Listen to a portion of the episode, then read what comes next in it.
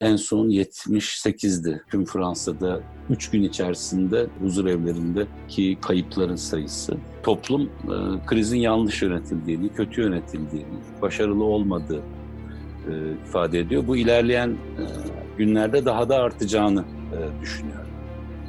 Az önceki konuşmamda kısaca bahsettim. Burada yaşanan tamamıyla bir çaresizlik ve beceriksizlik.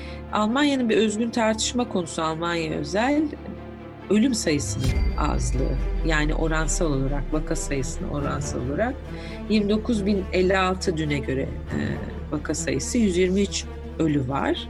Deniyor ki şu ana kadar İngiltere'de bu kadar büyük bir ekonomiye devlet müdahalesi e, tarihinde olmadı. Haber podcast'te buluştu. Kısa Dalga Podcast. Kulağınız bizde, Kısa Dalga'da olsun. Merhabalar. Bugün 25 Mart 2020. Avrupa'da farklı ülkelerin koronavirüsü kriziyle baş etme yöntemleri, e, stratejileri, yaklaşımları üzerine biraz daha resmi büyütmek açısından yakından bakmaya çalışacağız. Avrupa dediğimiz bölge tabii ki farklı ülkelerden oluşuyor ve her birinin kendine özgü yanları olduğu gibi ortaklıkları da var bu süreçte daha iyi izleyebileceğimiz. Özellikle konuya bu farklılıklar ve benzerlikler açısından bakmaya çalışacağız. Bu bağlamda e, konuklarım diyeyim. Ben de bir konuk olarak görüyorum kendimi. Bir gönüllü kısa dalga podcastçısı olarak. Ama iki benim dışımda ben Betül Yarar. Benim dışımda iki, iki konuşmacımız daha var. Biri Selim Eski İzmirliler doçent doktor olarak neuroscience alanında Üniversite Paris, Paris Üniversitesi'nde çalışıyor. Alev Özkazanç aslında kendisini benden çok daha yakından tanıyor bu kısa dalga dinleyicileri. Şu anda Oxford Üniversitesi'nde misafir akademisyen olarak yer alıyor Profesör Doktor Alev Özkazanç. O da bizimle. Ben de Bremen Üniversitesi yani Almanya'dan e, sizlerle sesleneceğim. Evet, konumuzu genel olarak tanımladım ama biz odağımızı e, Avrupa'ya kurduk ve bunun içinde Almanya, İngiltere, Fransa örneğine yakından bakmaya çalışacağız ve daha çok mütevazi bir biçimde bütün bu tartışmalara aslında zemin olan e, unsurların fotoğrafını çekmeye çalışacağız ya da bir daha tanımlayıcı bir e, anlatımla yaklaşacağız. Çok fazla analize girmeden. Bu bağlamda öncelikle Selim Eski İzmirlilere sormak istiyorum. Fransa'dan biri olarak bize deneyimlerini, e, gözlemlerini paylaşması açısından bugün Fransa'daki durumu nasıl görüyorsun? Nasıl başladı süreç ve ne noktada şu anda? Merhaba Betül. Fransa'daki vaka sayısı 25 bini e, geçti. 2800'ü buldu e, acil durumda olan hastaların durumu ki bu önemli bir parametre. E, bu süreci değerlendirirken bu sürecin öncesi ve sonrası değil. Şu andaki durumu değerlendirirken önemli bir parametre. Çünkü Fransa'da devletin de şeffaf olarak açıkladığı 5000 tane vantilatör olan e, yoğun bakım ünitesi var. Bunlardan 3000'i dolmuş durumda. E, bu nedenle de asker devreye girdi. Güney bölgesi en çok etkilenen bölge. E, Mulhouse artı Marseille, Toulon Toulouse bölgeleri, Nice bölgesi yani güney diyelim daha çok İtalya'ya dokunan kısmı etkilenmiş durumda. Orada Mulhouse Hastanesi'nin bahçesine Sahra Hastanesi kuruldu ve bugün ilk hastalarını almaya başladı. Korsika ve Mulhouse'daki hastanelerdeki vantilatörlü yataklar dolmuş durumda. Bu yüzden de askeri uçaklarla gerek Bordeaux gerek Lille zannediyorum ve hatta belki de Paris'e tam onu e, sap, yanlış saptamış olabilirim. Askeri uçaklarla acil durumda olan hastaların nakilleri başladı. E bu bugün ne diyelim Konsey d'Etat yani devlet konseyinde sağlıkla ilgili olan sorumlu ve de e, Paris Hastaneler Direktörü diyebileceğimiz böyle Türkçe'ye tercüme edebileceğim e, bir sorumlu çok net bir açıklama yaptı. Paris, Paris deyince Ile-de-France, Fransa adası denen aslında altı şehirden e, oluşan bir bölge. Bu bölgedeki hasta ne hasta kabul limitinin üç gün sonra dolacağı. Daha önce on gün gibi bir hesap yaptıkları E, fakat bu limitin aşıldığı Üç gün sonra Ile-de-France ya da Fransa adası denen e, Paris ve çevresindeki altı şehirde acil durumda hasta kabul edilemeyecek hale gelinecek. Bu çok kabaca buradaki durum. E, çok anlamlı değil belki ama tabii insanları çok etkileyen bir rakam o. Günde kaç kişi ölüyor? 250'ye ulaştı Fransa'daki günde ölüm e, sayısı. Bunun İspanya'daki karşılığı dün 500 civarıydı. E, İtalya'da bir ara 600'de stabil oluyor gibiyken bugün son 24 saatte açılan 750'ye e, çıkmış durumda. Fakat sağlık sistemini yönetiminde çalışan insanlar açısından burada daha çok önemli olan rakam e, yatak sayısı ne? Sistem ne kadar gelen hasta talebini karşılayabilecek noktasında. Dolayısıyla mesela biraz üzücü bir şey bunu söylemek ama Fransa'daki rakamlar 1000-1500 üzerinden hesap ediliyor. Çünkü gündelik acil artan sayı ve ölen sayısı üzerinden bir hesap yapılıyor. Çünkü ölen sayısı üzerinden yatağında boşalması lazım. Ama e, 254 kişi ölüyor ve acil yatak sayısı 500 artıyorsa bu demektir ki 800'e yakın gündelik bir dolma durumu var. Bu hesap üzerinden bugünkü açıklama yapıldı ve Paris'teki satürasyona 3 gün kaldığı yapıldı. Şimdi bu işin bir yanı diğer taraftan herkesin izlediği gibi neredeyse sokağa çıkma yasağına benzer bir süreç yaşanıyor. Bu birçok şehirde özellikle güneydeki şehirlerin büyük bölümünde ve Korsika'da gece 8'den sabah 5'e kadar gerçek bir sokağa çıkma yasağı uygulanıyor. Gündüzse internetten aldığımız bir takım kağıtları bastırıp onların üzerine hangi nedenle sokağa çıktığımızı belirttiğimiz bir kağıt var. O kağıtla birlikte kimlikle sokağa çıkıyoruz. Bir takım merkez yerler dışında kontrol o kadar çok yoğun değil. Ben mesela ilk gün laboratuvarı boşaltmak için gittiğimde iki defa çevirmeye denk geldim. Hani kendi deneyimim üzerinden söylüyorum. Onun dışında kendi mahallemizde temel ihtiyaçları karşılamak ya da bir iki saatlik dolaşmaları yapmak gibi e, durumlarda herhangi bir kontrolle karşılaşmadık. Ama merkez noktalarda ciddi bir kontrol olduğunu e, birçok kimsenin olduğu gibi biz de televizyondan izliyoruz. Son 2-3 haftadır Fransa'da olanlarda gerek Almanya'dan gerek İngiltere'den ya da diğer Avrupa ülkelerinden e, farklı olan bir seçim süreci vardı. Belediye ilk dönem e, ilk tur seçimleri yapıldı ve sokağa çıkma yasağı bu ilk tur seçimlerinin hemen arkasından ilan edildi. Ve bu ilk tur seçimlerinin öncesinde çok yoğun tartışıldı bu seçimler iptal edilmeli mi, edilmemeli mi diye. Sonuçta Merk iktidar e, seçimlerin iptal edilmemesine karar verdi. Bir gün sonra da sokağa çıkma yasağı geldi. Şimdi bu nasıl değerlendirilir? Bence önemli bir tartışma. Özellikle iktidarın bu süreci siyasal çıkarlarına bir hizmet parametresi olup olarak kullanıp e, kullanmayacağına yönelik, kullanma, kullanıp kullanmadığına yönelik bir parametre. Nitekim e, ikinci gününde bir hafta sonra yani geçtiğimiz pazar yapılması gereken ikinci tur seçimler iptal edildi. Hani bunu neden altını çiziyorum? Çünkü sadece iktidarın bu konudaki beceriksizliği gibi değerlendirmesinin ötesinde bir durum bu. Çünkü beceriksizliğine ve krizi yönetememesine dair o kadar çok fazla parametre var ki 15 e, gün boyunca Paris'te biz mask bulamıyoruz. Eczanelerin hiçbirinde mask yok temel alışveriş merkezlerinde henüz büyük bir sorun olmasa da örneğin makarna reyonları boşalmış durumda. E, yumurta bulunamamaya başlıyor. Bunlar şu anda çok temel sorunlar değil belki ama sanıyorum önümüzdeki haftalarda bu sorunun daha da artacağına yönelik bir takım ön e, parametre olarak değerlendirilebilir. Krizin yönetimi içerisinde bugün önemli bir gündü. Çünkü hükümet 10 günün 10 gün 10. güne girdikten sonra ilk 25 önlemden oluşan işte sağlıkta, endüstride, çalışma hayatında, eğitim hayatındaki yeni önlemlerini açık, yeni paketlerini diyebileceğim e, açıklamayı yaptı. Burada artık e, rakamları söylemek bile pek anlam ifade etmiyor. Çünkü devlet 300 milyar e, açtı. Avrupa Merkez Bankası 700 milyar enjeksiyon yapacağını karar verdi. Amerika'da trilyonlara varan enjeksiyon, para enjeksiyonları kararları verildi, ifadeleri yapıldı.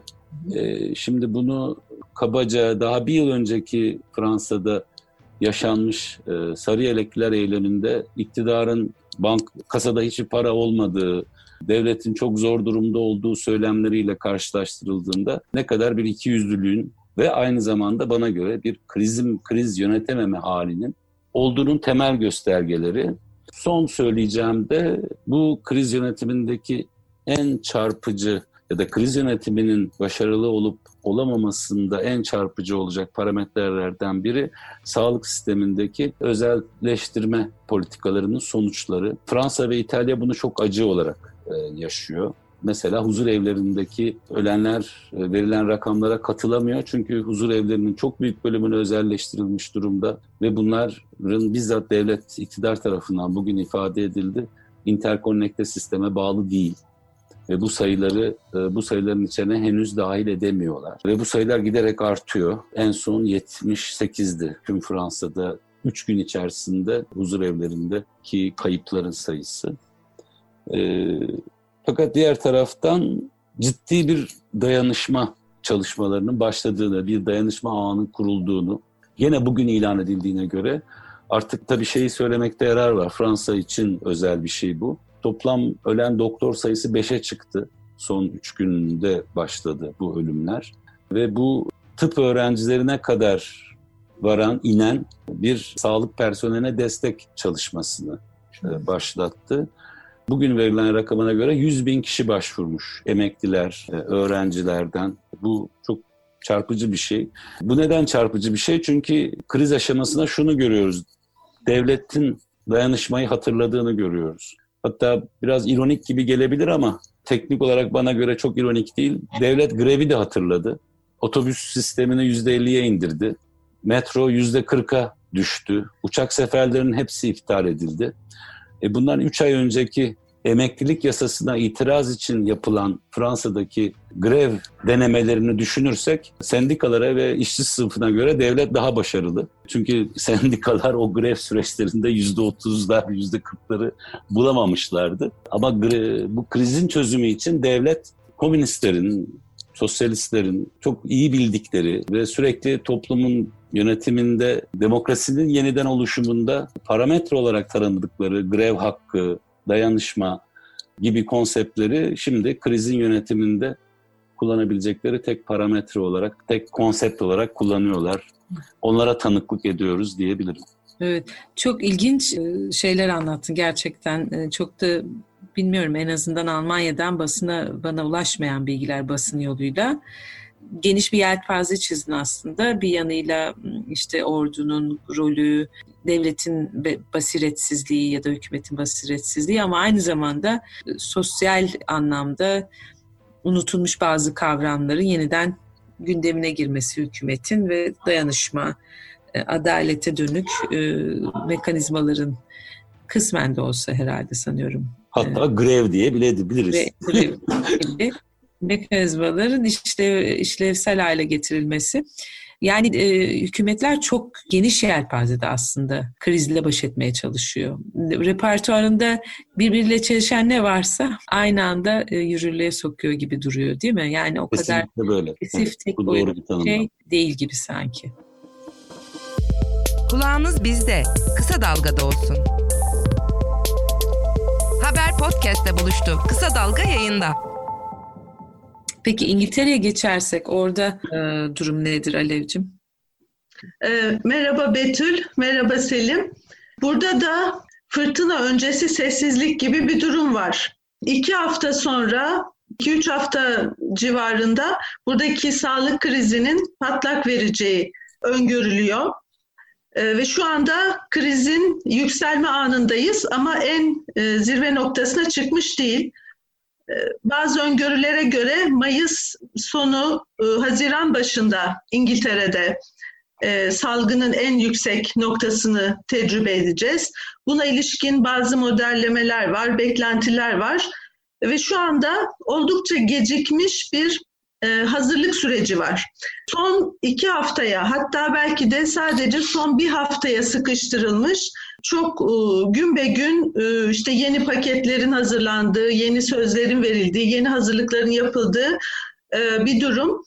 Fakat daha bugünkü haberlerde dün ve bugünkü haberlerde pek çok tıp çevreleri, dernekleri ya da tekil olarak sağlık çalışanları, doktorlar ya da hemşireler mevcut durum hakkında e, oldukça kaygılı ifadeler belirttiler. Panik olanlar ve korktuklarını açıkça söyleyenler vardı.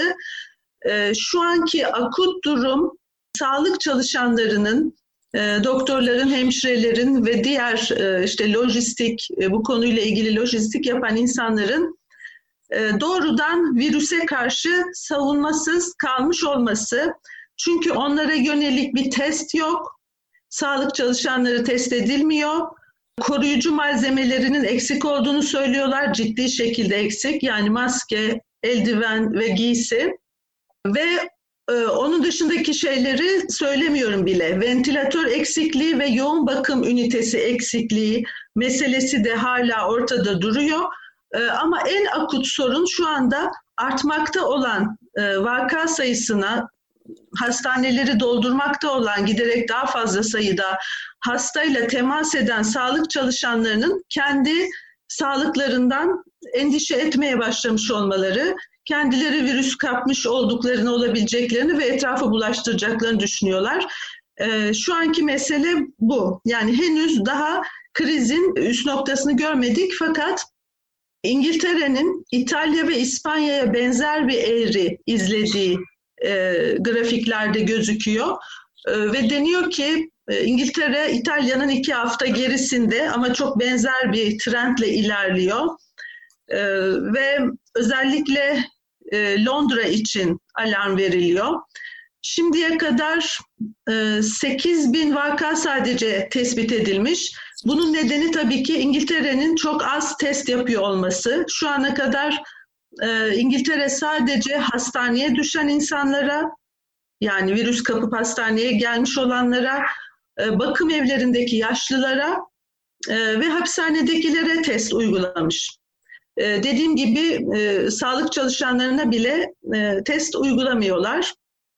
Hükümet işte ventilatör üretimi için çeşitli başka tür fabrikalarla yani daha önce ventilatör imal etmeyen başka fabrikaların e, üretimlerini ona göre düzenlemeleri üzerinden işte bağlantılar yaptığını söylüyor ve yeterli ventilatörün hazırlanacağını söylüyor ki şu anda ama yok. Henüz onlar yok ortada.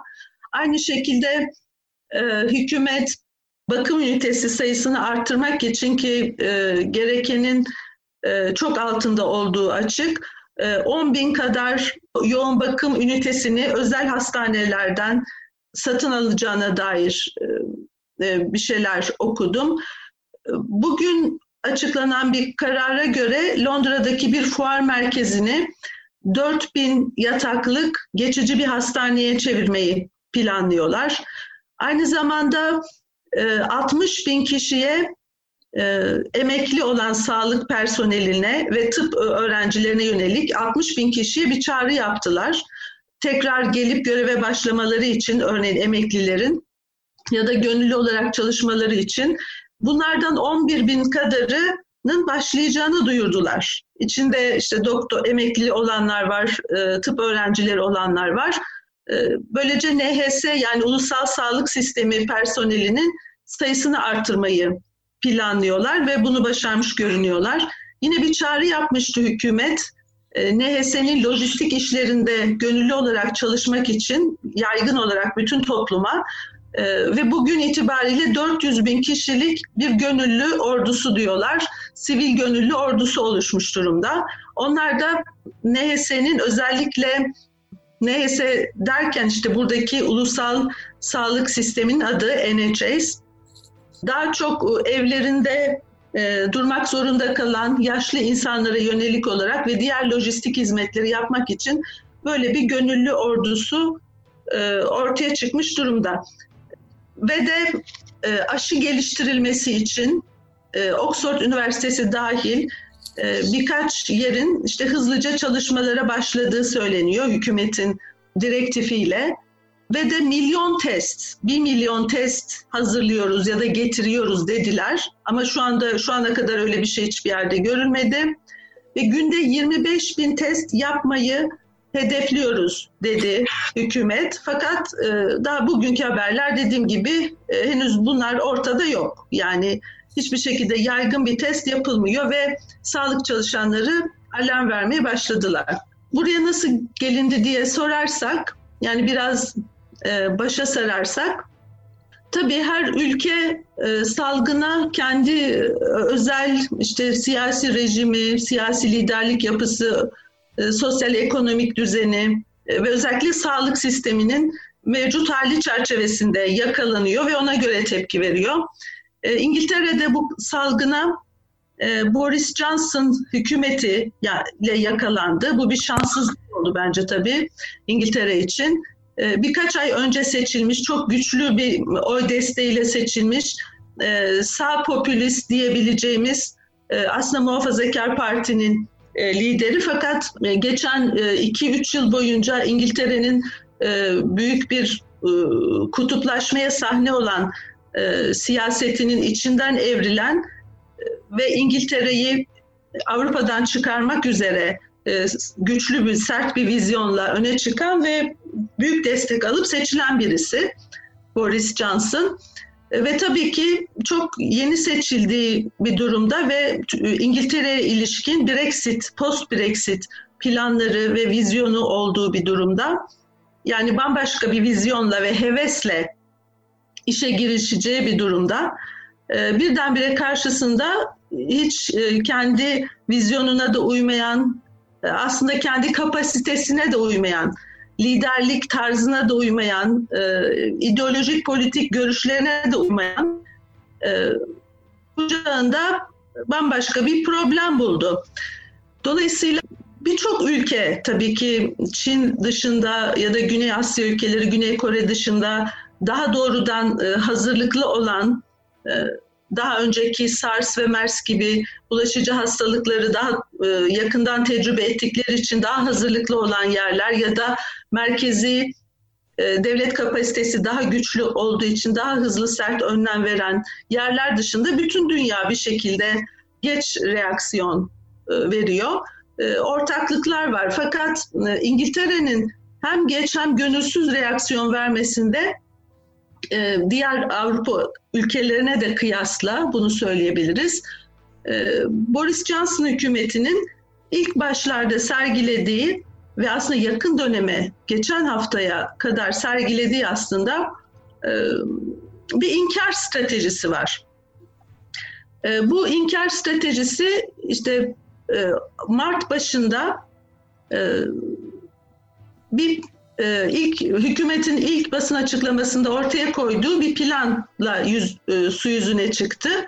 İşte yaygın olarak e, e, kitle bağışıklığı diye bilinen ve çok tartışılan e, bir stratejiydi bu. Bilim otoriteleri hem e, İngiltere'nin içinde hem uluslararası e, sağlık otoriteleri ve bilimciler tarafından çok eleştirildi bu yaklaşım.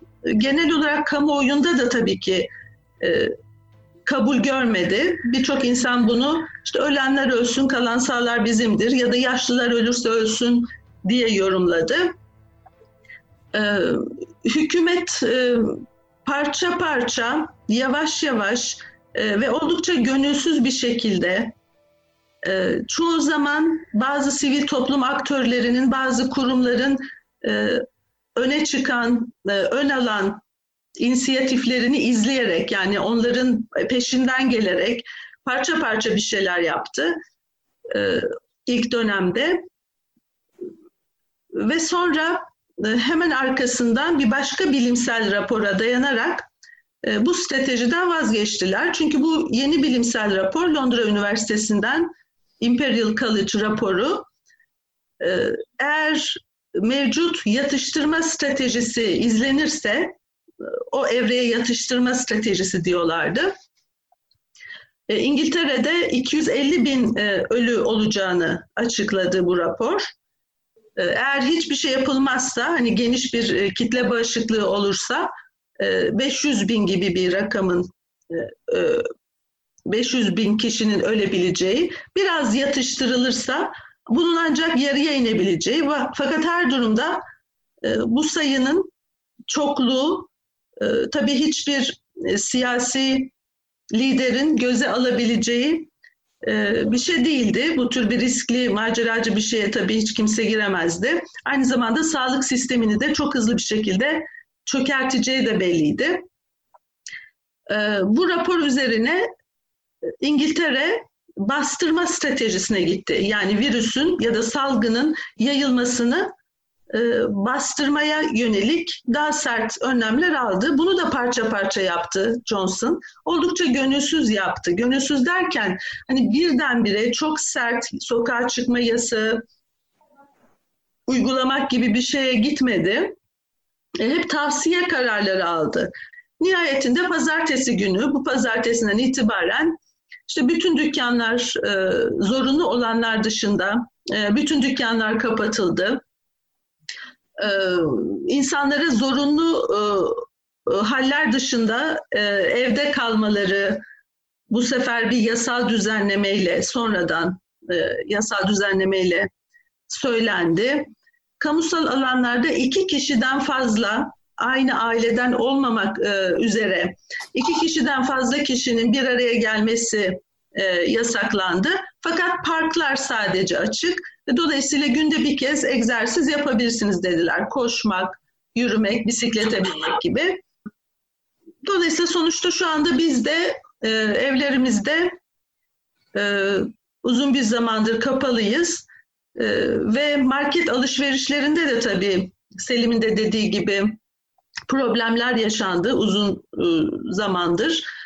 E, ve şimdilik e, besin tedarikinde yiyecek tedarikinde, mal tedarikinde bir problem olmayacağını sürekli olarak söylüyorlar ve insanları bir miktar yatıştırmış gibi görünüyorlar. Evet. E, şimdilik bunları söyleyeyim. Kulağınız bizde, kısa dalgada olsun. Haber podcastle buluştu. Kısa Dalga Podcast. Ee, aslında e, sorulacak çok soru var ama ikinci turda belki e, evet. bunları biraz daha bazı noktaları açmak mümkün. Özellikle e, bu hükümetin aldığı kararlara yönelik eleştiriler bağlamında belki biraz birkaç sorum olacak ama ben kısaca Almanya'daki durumu da e, özetleyeyim. E, Almanya'daki durum Mart'ın 10'undan itibaren e, hükümet aktif e, rol alarak e,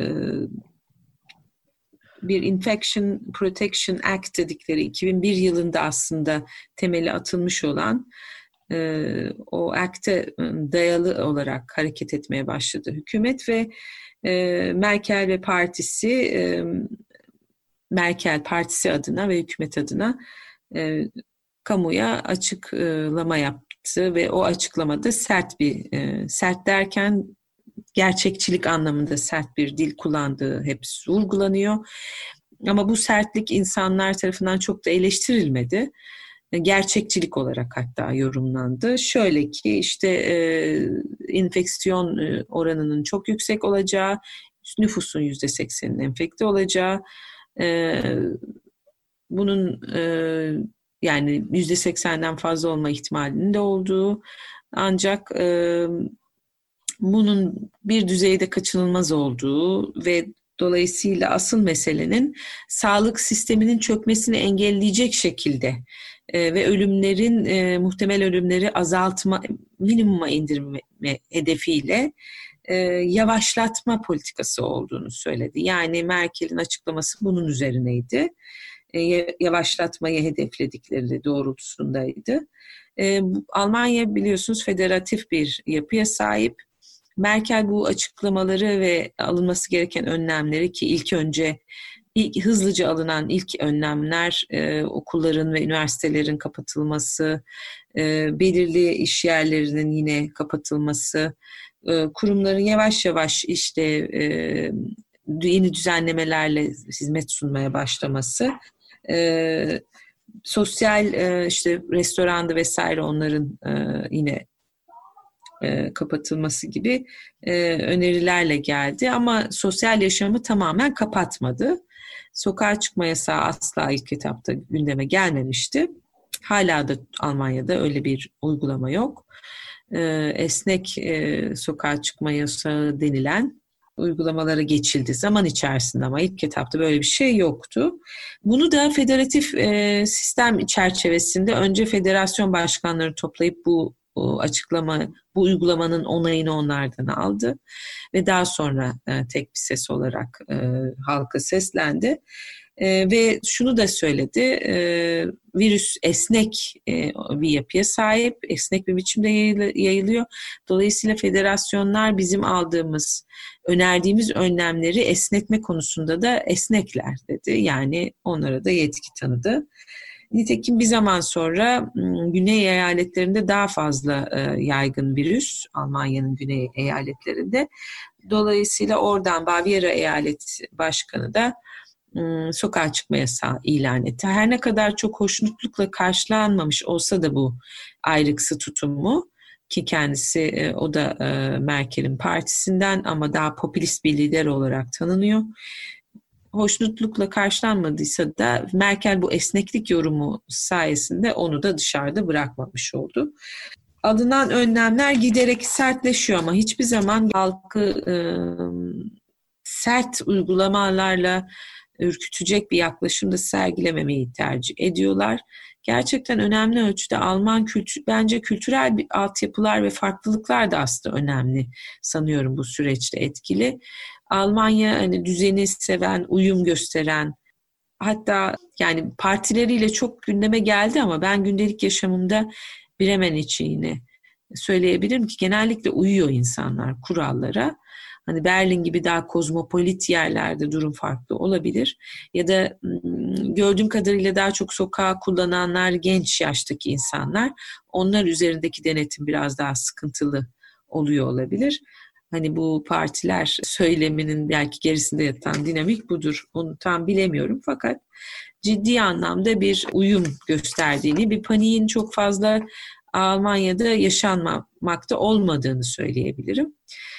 Öte yandan çeşitli tartışma konuları da var. Özellikle hükümetin bu son dönemde sokağa çıkma yasağına yakın light, daha es, hafif bir sokağa çıkma yasağına benzer şeyinin uygulamaya sokulma kararı alınması sonucunda hükümet bunun özellikle sınırlı bir e, uygulama olduğunun altını çizdi. Asla insan hakları ve özgürlüklerini e, tehdit edecek şekilde kullanılmayacağı güvencesi veren cümleleri çok fazla vurguladı.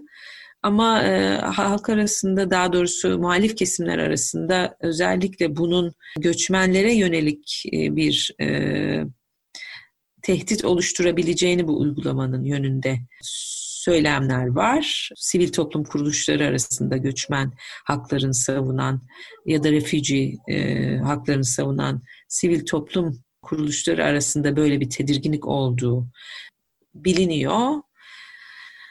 Bu yönde henüz bir şikayet e, ortaya çıkmadı açıkçası. Yani bu şekilde kullanıldığına dair bir bir ibare, bir haber olduğunu söyleyemem. Ama böyle bir tedirginlik hala mevcut. Bu yönde de bazı e, açıklamalar yapıyor çeşitli muhalif unsurlar. Artı bir de kamplardaki koşulların hijyen nedeniyle çok fazla virüsle mücadeleye uygun olmadığı ve bazı kampların kapatılmasının talep edildiğini basından izleyebilmek mümkün. Sosyal haklar ve siyasi haklar ve özgürlükler bağlamında yine gündeme aslında şey e, bu telefon bilgilerini hastanın enfekte olmuş kişinin telefon bilgilerini ele geçirme bu datanın kullanılması konusu yine tartışma konusu oldu. Dolayısıyla bu bağlamda çeşitli muhalif söylemlerde söz konusu, e, e, endişeler de söz konusu. Fakat yine de devlete yönelik, devletin politikalarına yönelik yaygın bir radikal bir eleştirinin olduğunu söyleyemem. Geç kalındığına dair yine bazı eleştiriler var elbette. Bütün Avrupa ülkeleri için aynı şey söz konusu. Ama başka ülkelerden gelen ve Almanya'ya yönelik bazı eleştiriler var. Sadece Almanya'ya yönelik de değil. Avrupa Birliği'nin yetersiz ve basiretsiz bir e, tutum sergilediğine dair, İtalya'nın işte krizine tanık olunduğu ama hiçbir şey yapılmadığından tutun. Yine işte göçmen politikası bağlamında Almanya 50 milyon euro e, yu Almanların başka ülkelerden toplanmasına ayırdı mesela maddi olarak. 750 ee, milyon euroluk, trilyon euroluk bir e, paketten söz ediliyor bu arada ekonomik anlamda destek açısından. Ancak e, bunun bu kadarını e, sadece Alman e, ülkeleri, e, Alman vatandaşlarının başka ülkelerden tahliyesi için kullanacağını açıklayınca hani aynen Selim'in az önce Fransa'da e, sarı gömlekler için para yokken birden bunun için paranın çıkması bağlamında duyduğu şüphe ve en e, ye benzer bir şekilde burada da e, göçmenler için harcanmayan paraların e, bu tür e, şekilde daha ulusal reflekslerle harcandığına dair sol cenahtan eleştiriler olduğu, işte çevre e, boyutuyla Yeşil Parti'nin ve Sol Parti'nin yine konuya yaklaştığını söyleyebiliriz. Sağlık bakımından Almanya e, göreli olarak yani Fransa ve İngiltere'ye göre biraz daha altyapısı güçlü diyebilirim. Test konusunda zaten gösterdiği başarı aslında önemli. Gerçi Fransa'nın da bu konuda oldukça güçlü bir donanımı olduğu söyleniyor. Ve vaka sayısı hep yüksek Almanya'da ama bunun önemli bir boyutunu e, test yapma oranındaki yükseklik oluşturuyor diyebiliriz.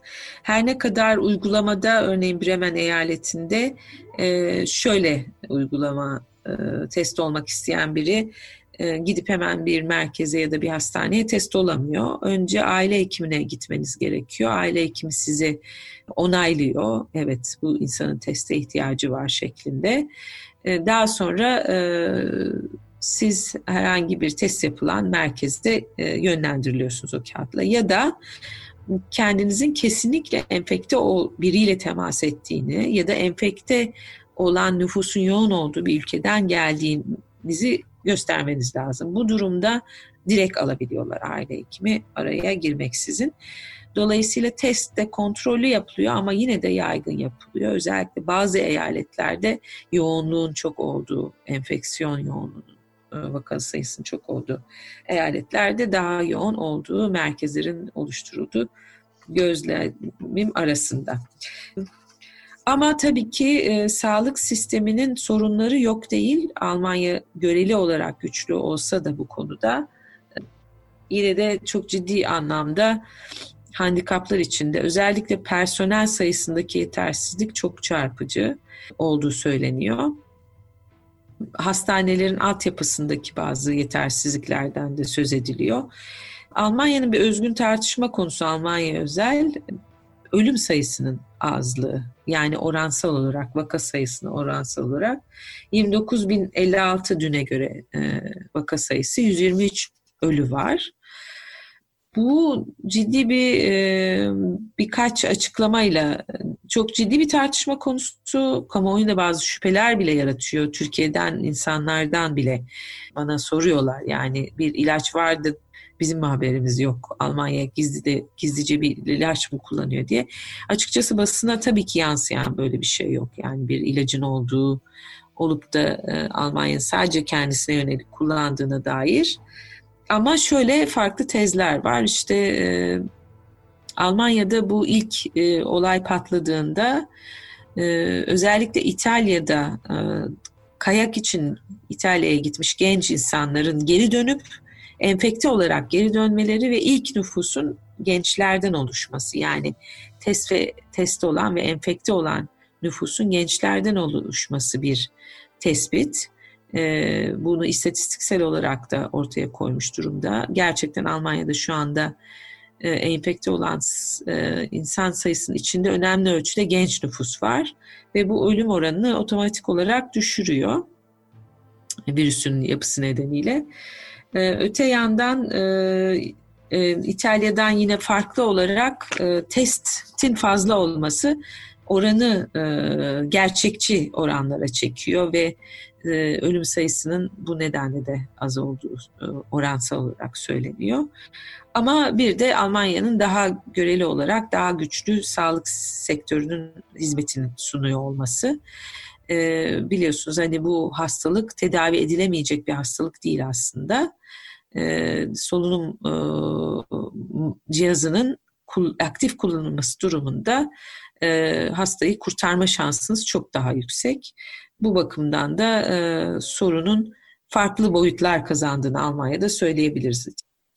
Evet yani genel olarak Almanya'daki durumu böyle özetlemek mümkün ama Almanya gerçekten hani e, daha liberal e, diyebileceğimiz e, demokratik yöntemleri hassasiyetle kullanmaya çalıştığını iddia etmekle beraber onun da kör olduğu çok temel noktalar var. Birincisi bütün Avrupa ülkeleri gibi Almanya'da kendi ulusal sınırlarına çekilmeyi refleksi gösteriyor bu sırada. Yani Avrupa Birliği üyesi olarak ya da e, diğer ülkelerle bir e, küresel dayanışma içinde refleks göstermiyor. E, öte yandan göçmen meselesine kapatıyor kendisini. Nitekim göçmenler konusunda Almanya bu son Suriye, Türkiye'nin de müdahil olduğu Suriye göçme, Suriye'den e, zorunlu göçle Yunanistan'a giden büyük nüfusun ve inanılmaz bir e, insanlık dramı içine düşürülen büyük nüfusun bir kısmını almayı çocuklara ayırarak ne yazık ki o da e, ahlaki bir tartışma konusu aslında ama almayı kabul etmişti ama ondan bu kriz e, çıkar çıkmaz ondan vazgeçtiğini ilan etti. E, ve buradaki e, göçmen nüfusla da ilgili e, şüpheler ve sorunlarla tartışma konusu oluyor Almanya'daki uygulamalar. Keza her ikinizin de altını çizdiğiniz sorun e, Almanya'da bir noktadan sonra Almanya'da benzer bir şekilde e, kapasitesinin üstünde bir hasta e, sıkıntısıyla karşı karşıya kalacak ve ölüm oranları Almanya'da da değişim gösterebilir. Çünkü yaşlı nüfusa henüz e, geçilmiş değil. Eğer e, oralara doğru yayılma oranı artarsa e, sağlık sisteminin çok daha büyük bir krizle karşılaşması mümkün. E, ama hayat şimdilik sakin akıyor diyebiliriz Almanya'da göreli olarak.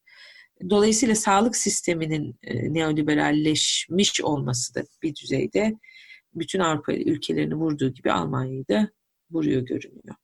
Şimdi e, buradan aslında benim sunumumun içinde bir miktar yer kazanmış olan hükümetin uygulamalarına dönük eleştiriler ve tartışmalar ve sivil otoritenin farklı biçimlerdeki müdahaleleriyle ilgili biraz konuşalım istiyorum. E, tabii ki bunun siyasi, iktisadi e, ve sosyal boyutları var. Yani sağlık alanında olan boyutları var.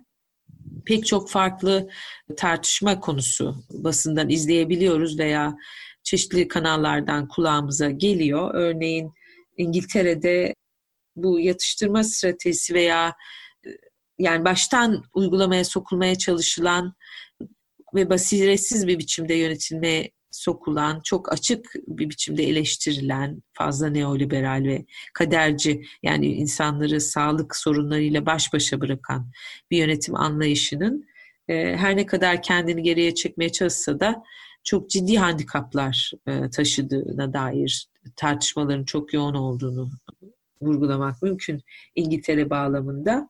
Ama bir yandan da gönüllü sivil ordusu gibi bir şeyden bahsettin mesela Alev sen. Yani orada da aslında uygulananlar biraz e, geniş bir alanda tartışılabilir gibi duruyor. Biraz daha hani eleştirel bak bakanlar gözünden de konuya e, yaklaşacak olursak ne tür müdahaleler söz konusu? Öte yandan Fransa'da işte dronlarla izlemeden tutun e, işte ordunun çok fazla e, sokaklarda göründüğüne bir yandan da saydamlıkla ilgili bir takım sorunlar olduğunu vurguladın. oraları biraz daha açarsak ve bu aslında dayanışma boyutunu da belki altını çizerek yani dayanışmadan ne anlıyor hükümet bu söylemleri içinden bakacak olursak ve ne tür e, anlamlar yüklüyor, e, hangi boşluklarda sosyal dayanışma ihtiyacı yeniden gündeme geliyor. Dayanışma gerçekten yaygın bütün devletler e, ve hükümet temsilcileri tarafından kullanılan bir düzeyde bana göre içi de boşaltılma e, riski taşıyan kavramlar gibi duruyor. Ya da işte bazı hizmetlerin örneğin sağlık alanında İspanya'da devletleştirmeye gidilmesi gibi, Türkiye'de e, özel hastanelerin korona kriziyle mücadeleye açılması gibi bazı girişimler de var ama bunlar hani giderek içe kapanan, otoriterleşme eğilimi, güçlü refleksler gösteren hükümetler açısından baktığımızda umut edebileceğimiz gelişmeler mi? Ben daha kısaca bu ikinci bölümde söyleyeceklerimi söyleyeyim. Evet. Şimdi son sorduğundan başlarsak, yani sondan başa doğru gideyim. Ee, dayanışmayla ilgili sonuçta Holland döneminden sonra gelen Macron e, hükümetinin ya da Macron organizasyonunun diyelim çünkü bir parti değil çoğunuzun bildiği gibi e, Sosyalist Parti'nin e, bir bakanıydı Macron. E, paraşütle gelmiş bir e, bakanıydı ve e, Hollanda'nın yeniden seçilmeyeceğinin ortaya çıkması ve mevcut siyasal partilerin bütün gücünü kaybettiği ve kitle desteğini kaybettiğinin anlaşıldığında bir devlet projesi olarak bir buçuk yılda Cumhurbaşkanı yapılmış bir kişi Macron. Bir hareket olarak organize olmuş bir siyasal hareket, bir parti değil, e, geçmişi olan bir yapı değil. Şimdi buradan bakarsak dayanışmayı e, bir siyasal kültür ya da bir sosyal kültür alt başlığı olarak tanımlayacak bir hareket değil. Üç yıllık bir uygulama süreci var. Orada da ne sarı yelekliler sürecinde ne diğer e, özellikle iki tane ana başlık tanımlarsak geçmişteki süreçte bir sarı yelekliler eylemleri ki bu e, mazot ve benzine eklenmesi istenen çevre vergisi ile bu ürünlerin fiyatlarının artması üzerinden yapılan eylemlerdi. Yani ne bu eylemler sürecinde ne polisin bu eylemlere müdahalesinin sertliğinin boyutu sürecine baktığımızda ne de ondan sonra yaygın grevlerle karşılanan emeklilik yasasının değiştirilme politikalarına baktığımızda ne Macron'un kendisinde ne siyasal hareketinde ne bugünkü hükümette bir dayanışma konseptinin asla ne bir siyasal kültür ne bir sosyal kültür olarak olmadığını e, rahatlıkla söyleyebiliriz. Dolayısıyla şu gün iktidarın son üç haftadır e, panik halinde dayanışmayı talep etmesi, e, ulusal birlikten bahsetmesi, Fransa ulusunun büyüklüğünden bahsederek insanların e, hizmete çağrılması bütünüyle bir çaresizliğin sonucu ortaya çıkmış e, çağrılar, talepler ya da e, uygulamalar değil. E, benim tahminim Fransa toplumu bunu çok fazla yemeyecek. Yani şu anda kriz e, ortamında e, elinden geleni yapmaya çalışıyor ama bu Macron'a bir siyasal getiri olarak e, geri dönmeyecek. Fakat bunun hemen yanına şunu eklemek gerekiyor. Özellikle muhalif kesimden gelen tartışmalar ne ya da eleştiriler ne diye sorduğunda garip bir şekilde mesela son 3 haftadır, 4 haftadır Mélenchon'u bile duymuyoruz ki Macron'a en fazla saldıran e, radikal sol lider diye tanımlayabiliriz. Onun bile adını duymuyoruz. Le Pen'den tek bir ki aşırı sağ değil, ikinci taraf olarak onu alırsak, tek bir eleştiri, tek bir e, ciddi çıkışı görmüyoruz. E, dolayısıyla resmi muhalif kurumlar diyeyim bir anlamda e, Macron'un bu kriz karşısındaki ezilmesini bekliyorlar. Bir de tabii biraz sessiz kalıyorlar ki bu kadar ciddi bir kriz esnasında kendilerine negatif sonuç, siyasal sonuç getirecek çıkışlardan kaçınmaya çalışıyorlar. Ama bunun hemen altına e, Macron'un söylemindeki değişikliğin altını çizmek gerekiyor. E, bu değişiklik de ne? Gene sadece son iki haftaya tekabül eden bir şey. E, biraz sonra söyleyeceğim de neden bu son iki hafta, son üç haftaya e, diyeceğime biraz daha açıklık getirmeye belki çalışabileceğim. Son 2-3 haftadır Macron bütün alınan kararları ben karar verdim ve şunu yapacağız. Ben karar verdim, seçimi erteliyoruz. Ben karar verdim, sokağa çıkma yasağı. E, bu e, Fransızca açısından bile duyduğunuz zaman e, garip gelen bir şey. Yani hiçbir siyasal liderin kullanmadığı bir söylem. Eski cumhurbaşkanlarının da kullanmaktan yaşım el vermediği için De Gaulle'ü falan bilmiyorum. Belki İkinci Dünya Savaşı'ndan sonra böyle bir söylem kullanmış olabilir. Ee, ama benim 20 yıllık Fransa'daki hayatımda hatta geçtik e, tanık olmadığım bir söylem tarzı. Sanki o zararını her halükarda büyük bir zarar görecek Macron bu süreçten. E, o zararını e, daha bir otoriter, daha bir işte milletin babası, biraz Erdoğanvari diyebileceğimiz e, söylemlerle e, şimdiden e, biraz cebi doldurmaya çalışıyor e, gibi e, görünüyor bana. E, işte bir ulusun lideri, e, zaten ilk e, kriz görüşmesinde e, 11 kere e, birçok e, basın kuruluşuna çok sayılarak bu sayı ifade edildi. 11 kere biz şimdi savaştayız. Nous sommes en guerre diye bir işte şey vardır. Bu e, zannediyorum De Gaulle'ün daha önce yaptığı bir takım alokasyonlara gönderme yapan bir söylem. Dolayısıyla işte savaştayız, ben savaşın lideriyim, savaşta olan bir ülkenin lideriyim. Aynı zamanda Cumhurbaşkanı olduğu için ordunun da genel kurmay başkanıyım diyelim. Genel kurmay başkanı değil ama ordunun da şefiyim sinyallerini e, çok net bir şekilde veriyor. Fakat en son e, kamuoyu yoklamaları e, yapıldı. Dünkü rakamlarda yüzde 65 düzeyinde toplum e, krizin yanlış yönetildiğini, kötü yönetildiğini, başarılı olmadığını e, ifade ediyor. Bu ilerleyen e, günlerde daha da artacağını e, düşünüyorum. Az önceki konuşmamda kısaca bahsettim. Burada yaşanan tamamıyla bir çaresizlik ve beceriksizlik e, hali temel olan. Fakat e, bunun bir başka yanı daha var. Neden bu kadar gecikti bu önlemlerin alınması? E, az önce Alev'in İngiltere örneğinden verdiği e, verilere, e, değerlendirmelere hatta senin değerlendirmelerinle de e, beraber düşünürsek buna İspanya ve hatta İtalya'yı da katmak mümkün. Bu ülkelerdeki devletleri yönetenler hiçbir şey bilmiyorlarsa Aralık'tan itibaren bu salgının ciddi bir şekilde geleceğinin bilgisine sahiptiler. Örneğin Fransa'da bugün mask bulunamıyorsa, yani maski e, herhalde üretilmesi en kolay sağlık malzemesi. Ve e, böylesine bir e, pandemide e, bir anlamda cepheye e, eksik mermiyle ya da tüfeksiz asker yollamak gibi bir şey. Şimdi bir devletin bunu görmemiş olması imkansız. Peki o zaman neden yapamadılar? E, aptal olduklarından ve salak olduklarından ya da bilgisiz olduklarından da değil. Bana göre bu diğer bütün ülkeler içinde ciddi bir araştırma yapılsa bu e, kasmanın diyebileceğim, bu gecikmenin asıl nedeni iki taneydi. Bir, zaten eski bu neoliberal politikalar sonucu böylesine büyük halk sağlığı problemlerine hazırlıklı bir sağlık sistemi yoktu.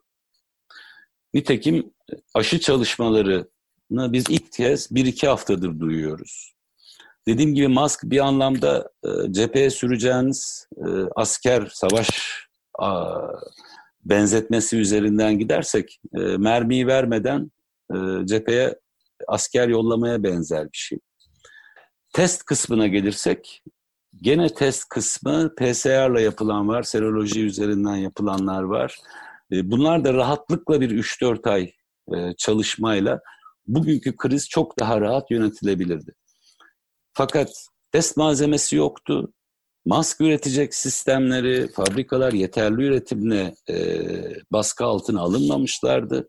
Fakat bunların hepsinin sonucunda ister test yapılsın, ister ilaç bulunsun ki şu anda hidroksiklorokin e, deneniyor güneyde.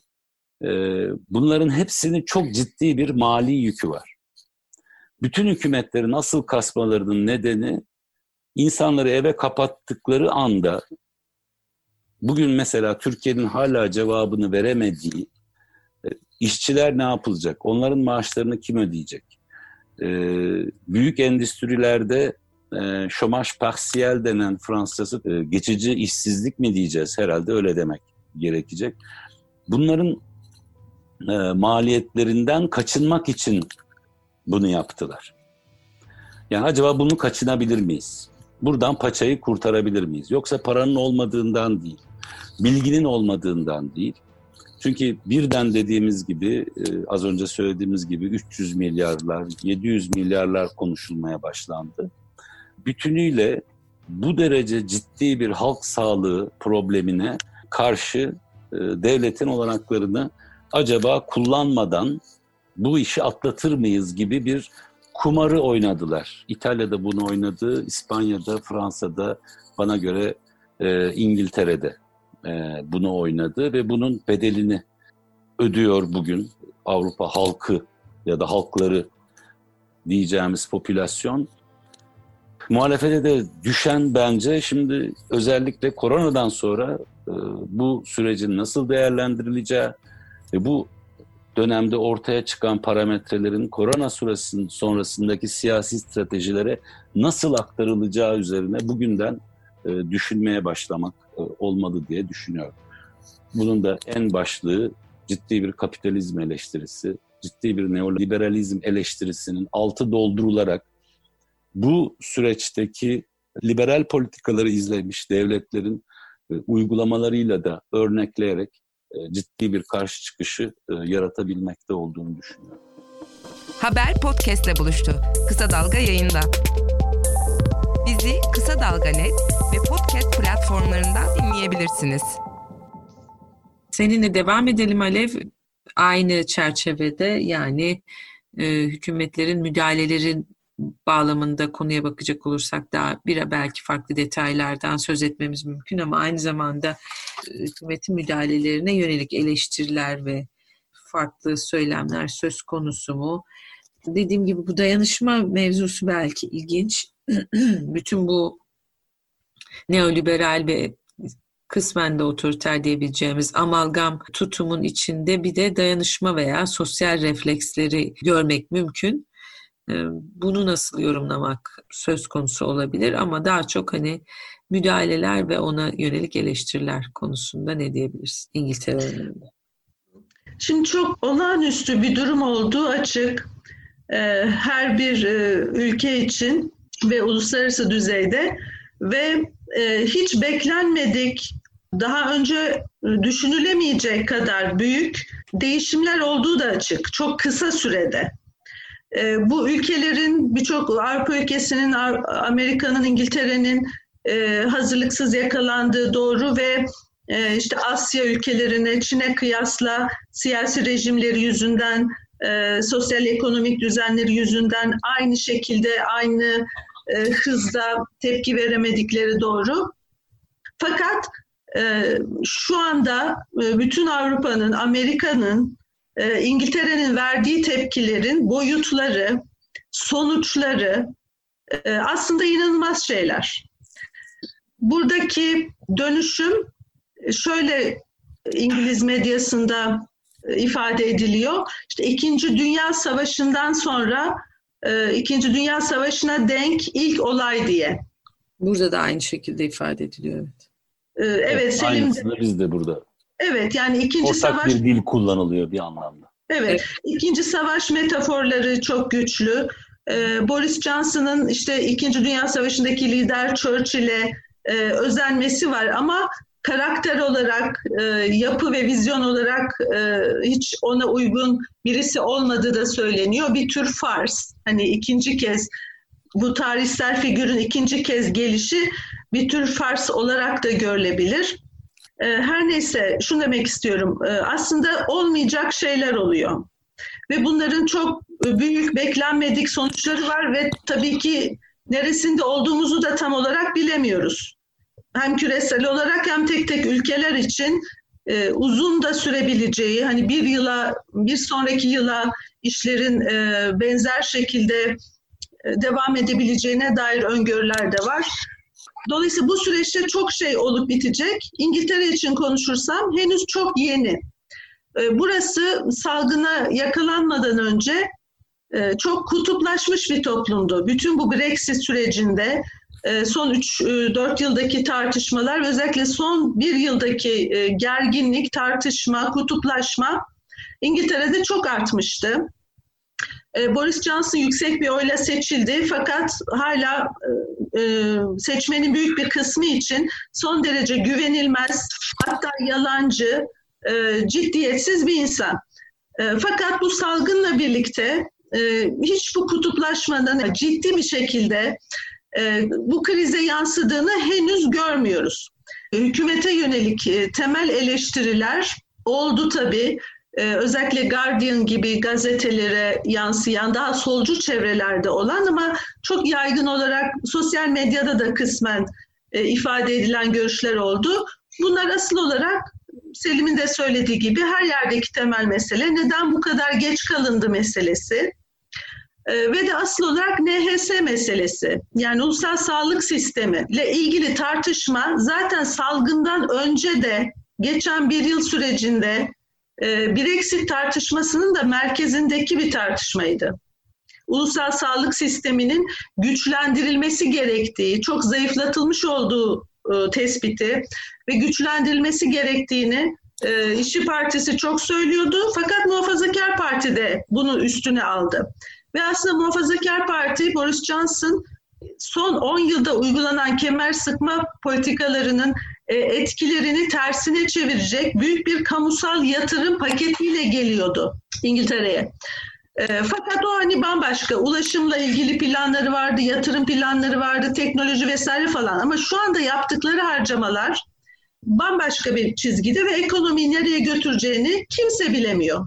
Yani sadece Boris Johnson değil, Amerika'da bilmiyor. Hani dünyanın çok güçlü bir e, durgunluğa, ekonomik durgunluğa girme riski var bayağı şu anda bir çaresizlik durumu var. O yüzden e, yapmaları gereken şey yapıyorlar ve büyük bir devlet müdahalesi var. Deniyor ki şu ana kadar İngiltere'de bu kadar büyük bir ekonomiye devlet müdahalesi e, tarihinde olmadı. Bu ne? 330 milyar poundluk bir ödenek e, işletmelere e, ayakta kalabilmeleri için e, ve hemen arkasından çıkarılan bir başka düzenlemeyle e, bu süreçte e, işlerinden olan e, ya da çalışamaz duruma gelen bütün işçilerin e, 2500 pound'a kadar olan ücretlerinin yüzde seksenini devlet ödeyeceğini söyledi. Bunun dışında kalan gruplar vardı. Mesela serbest çalışanlar gibi, ya da işte geçici işlerde günlük yövmiyelerle çalışanlar gibi bir sürü son yıllarda 10 yılda genişlemiş olan e, böyle riskli gruplar var. Daha güvencesiz işler, çok düşük ücretle çalışan işler. Onları kapsayacak şekilde başka paketler e, yavaş yavaş geliyor. E, e, İşçi Partisi'nin tutumu daha çok bunlarla ilgili. E, bu büyük devlet müdahalesi çok pozitif karşılandı. İşçi Partisi tarafından e, ve daha özel riskli gruplara yönelik yani riskli derken ekonomik ve sosyal anlamda riskli gruplara yönelik sağlık anlamında demiyorum da işler ne olacak, iş güvencesi ne olacak, bu dönemde e, işsizlik sigortası nasıl işleyecek, e, ücretli hastalık izni e, nasıl arttırılacak, bütün bu konulara ilişkin sorular soruluyor Başbakan'a Labour Partisi e, bu yönde bir muhalefet e, üretiyor. Yani cepheden bir muhalefet yok. Zaten cepheden muhalefet edilecek bir şey şu anda yok. Bir kriz durumu var e, ve büyük ölçüde bir konsensus var. E, daha çok hükümete yönelik eleştiriler e, hem geç kalma ile ilgiliydi hem karışık mesajlar verme ile ilgiliydi. Daha net, daha e, sert, daha net özellikle sokağa çıkma ile ilgili e, çalışmama ile ilgili. Çünkü insanlara denildi ki evde kalın. Hani ilk başta aynen Türkiye'de olduğu gibi işte gerekmedikçe evden çıkmayın, işe gitmeyin. Hani bu tür bir e, e, hükümet önerisi birdenbire tabii çok ortaya düşen çok saçma bir şey. Birçok insanın böyle bir şansı yok. e, evde kalma gibi bir şansı yok. Ama bunları hükümet çok hızlı bir şekilde e, şimdilik ayarlamış görünüyor ama bunlar sözler. Bunlar verilmiş sözler. Henüz böyle tıkır tıkır işlemeye başlamış bir şey de yok. Mesela bugünkü haberlerde gördüm. 500 bin kişi son 9 günde 500 bin kişi işsizlik sigortası e, almak için başvurmuş. Yani birdenbire işsizlik çok artmış. Fakat e, haberlere çıkan bir adam diyor ki 45 dakika boyunca başvurmak için telefonda bekledim ve oraya erişim sağlayamadım. Yani aslında hani birçok insan e, erişim bile sağlayamıyor. Kendi durumunu e, aktaracak kadar bile yani bütün bunlar demek istediğim genel olarak bütün bunlar henüz çok yeni kaynaklar ayrılmış ama tam olarak dağıtılmamış. Büyük bir koordinasyon gerektiriyor ve bunları nasıl işleyeceği belirsiz e, falan filan. E, bir ikinci mesele şu, e, olağanüstü hal yetkileri meselesi. E, sanırım bugün itibariyle bu meclisten de geçirildi. Fakat normal olarak e, İngiliz Meclisi'ndeki normal oylama prosedürlerine uyulmaksızın hızlı bir şekilde geçirildi. E, bu da ayrı bir e, imkanmış. E, tam olarak nasıl olduğunu bilemiyorum. Ama normal süreçlerden daha hızlı geçirildi. Yani üzerinde çok fazla tartışma olmaksızın. Ama bu paketin içerisinde biraz önce bahsettiğimiz sağlık alanına yönelik müdahaleler de var. Tabii bunların hepsi çok önemli şeyler ve hepsi çok problem yaratabilecek şeyler. Mesela mevcut hastaların evlerine yollanması gibi, mevcut hastaların yani e, koronavirüs hastası olmayan e, diğer hastaların yer açmak amacıyla bakım evlerine ya da evlerine yollanması gibi yetkiler, mahkemelerin video ile görülmesi gibi şeyler ama asıl olarak yani birçoğu sağlık alanına yapılan müdahalelerle ilgili olduğu için e, o kısmını zaten söylemiştim. O olağanüstü yetkilerle ilgili en ufak bir tartışma yok zaten. E, hani yapılması gereken şeyler olduğu düşünülüyor. Fakat dikkat çeken bir iki unsur var e, o pakette, yasada. O da hem polise hem e, göçmen idaresinin görevlerine belirli insanları, tabii ki bu arada göçmenleri demek oluyor, belirli insanları e, uygun görülen şekilde e, zorunlu olduğu durumlarda gözaltına almak ve izolasyon merkezlerine götürmek yetkisi. Buna ilişkin bir takım çok hafif şeyler gördüm. Hani bu nasıl uygulanacak göçmenler meselesi ama çok hafif. Sanmıyorum ki Almanya'daki tartışmayla denk bir şey olsun. Öyle bir şey değil. Bir de tabii burada da Fransa'da olduğu gibi e, seçimlerle ilgili, yerel seçimlerin ertelenmesiyle ilgili bir gündem oldu. Fakat çok fazla tartışılmadan hemen çok hızlı bir şekilde önümüzdeki bahara planlanan yerel seçimler ertelendi.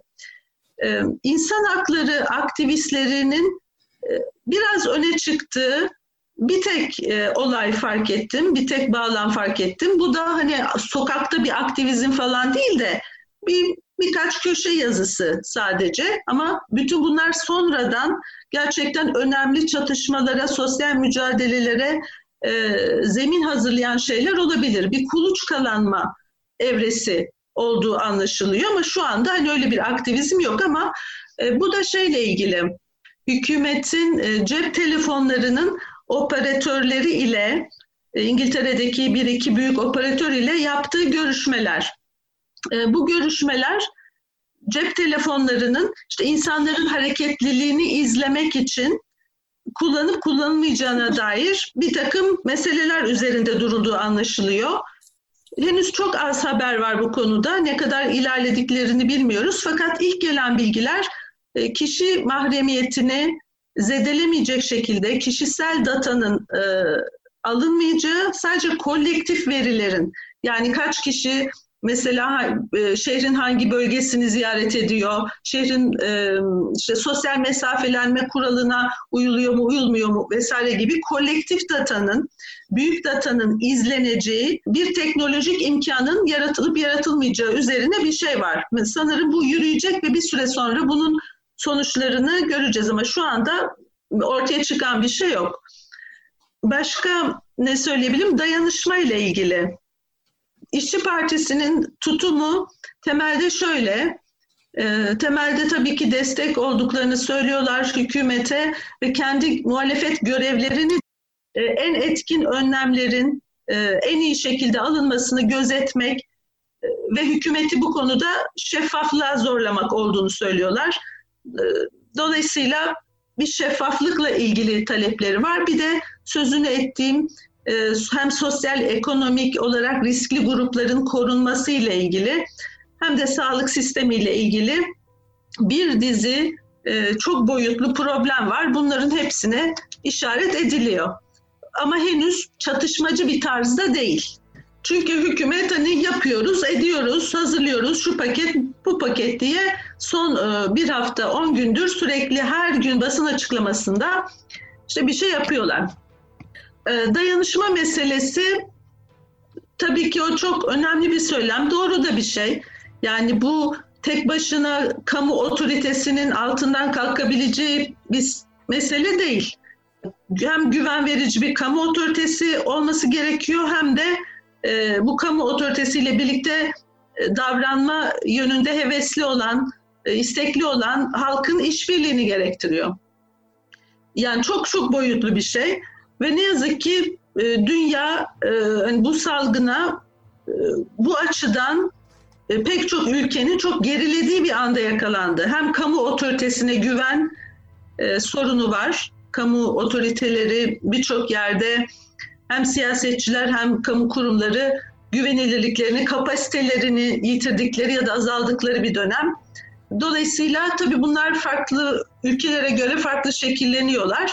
E, ama burada çok büyük bir şey krizi yok. Yani kamu otoritesiyle e, halk arasında bir çatışma şu anda yok ama bir kuluçkalanma e, evresi olduğunu söyleyebiliriz. Dolayısıyla dayanışma şeyleri güçlü işliyor. Dediğim gibi, daha önce dediğim gibi hükümet 250 bin gönüllü için daha dün çağrı yaptı. E, bugün 400 bin kişi yazılmış. Alevden bunların işlevi ne olacak? Ne anlamda? Nerede kullanacaklar? E, bunlar özellikle şöyle kullanacaklar. Şimdi çok sayıda insanın evde kalması gerekiyor. Hani neredeyse popülasyonun çok büyük bir kısmının evde kalması istendi. Ee, zorunlu işçiler dışında key workers yani kilit işçiler dışında ki bunlar e, sağlık çalışanları, polis, e, lojistik işleri yapanlar gibi. Bunların dışında herkesin evde kalması istendi. Şimdi herkes evde kalsın denince özel bir çok riskli grup var. Ee, evde kalıp kendisine bakamayan insanlar var, işte 70 yaş üstü e, insanlar var, yalnızlık sorunu var, mental sorunlar var, e, dışarı çıkıp süpermarket alışverişini yapamayacak olan var vesaire vesaire. Bu gönüllü ordusu aslında tamamen bu insanlara yönelik. Yani evde tek başına e, ya da işte birkaç kişi e, başkasının yardımı olmadan ve bakımı olmadan kalması mümkün olmayan insanlara yönelik hizmetler bunlar. Dolayısıyla bu hizmetler merkezi hükümet tarafından değil ancak e, işte merkezi hükümetin desteğiyle ve koordinasyonuyla hani bütün e, mahallelere yayılacak kadar küçük mahalle örgütleri yoluyla yapılabilir. Nitekim şu anda her yerde bunlar oluşuyor. Ama hükümet bu kararı vermeden önce zaten pek çok e, mahalle grupları kendiliğinden türemişti. WhatsApp gruplarında, işte Facebook'ta, orada burada, benim yaşadığım yerde, her yerde bu çağrı geliyordu. İşte yalnız yaşayan insanlara, yaşlılara, alışverişini yapamayanlara, şu şu insanlara, evsizlere yönelik olarak birçok yapılması gereken çok fazla şey var tabii ki. Ama şimdi hükümet bunları koordine edeceğini söylüyor. Ama asıl sorun bence bu noktada başlayacak. Mesela 400 bin kişinin koordinasyonu ne demek? Hani ihtiyaçlar nasıl saptanacak? İşte bu insan grupları birbirlerine nasıl ilişkiye geçilecek? Yani aslında çok kısa sürede ve buna göre ayarlanmamış bir e, hükümet sistemi, bir sosyal ve ekonomik sistem bir refleks vermeye zorlanıyor ve bunu gerçekten layıkıyla yapması mümkün değil. Dolayısıyla birçok sorun çıkacak. İrili, ufaklı, ağır, insani dramlar birçok bir şey.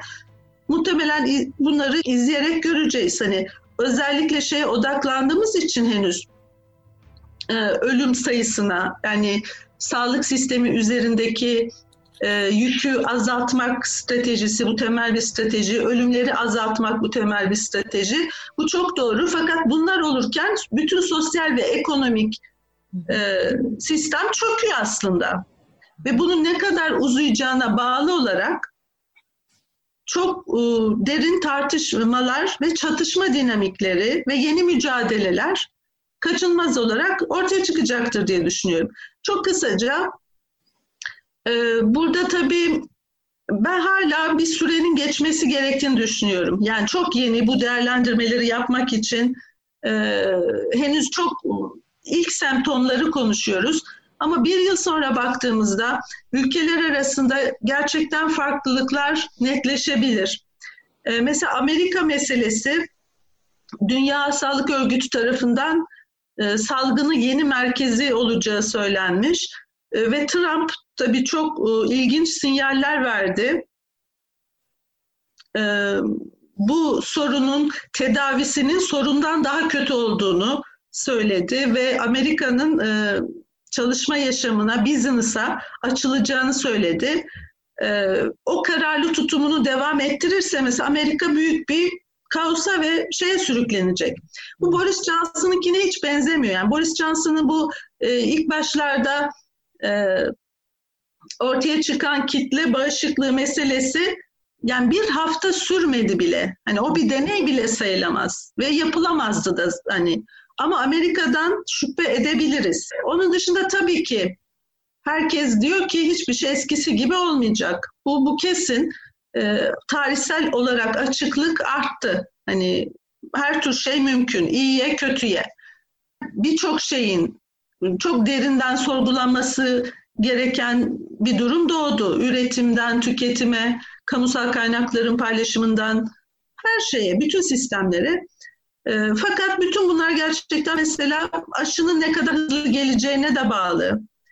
E, beklenenden daha hızlı bir aşı gelirse, geliştirilirse sistemler bu yaşadığımız şeyi bir parantez gibi algılayıp sonuçlarıyla işte ekonomik durgunlukla falan baş etme yönüne gidebilirler.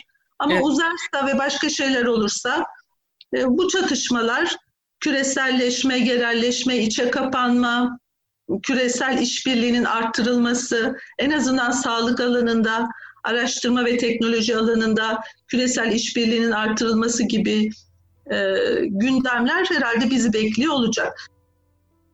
Üç farklı örnek üzerinden tartıştık. Aslında ortaklıklar e, kadar e, çeşitli nüanslar olduğunu da görmek mümkün. Ben biraz Almanya'dan ümitliyim açıkçası.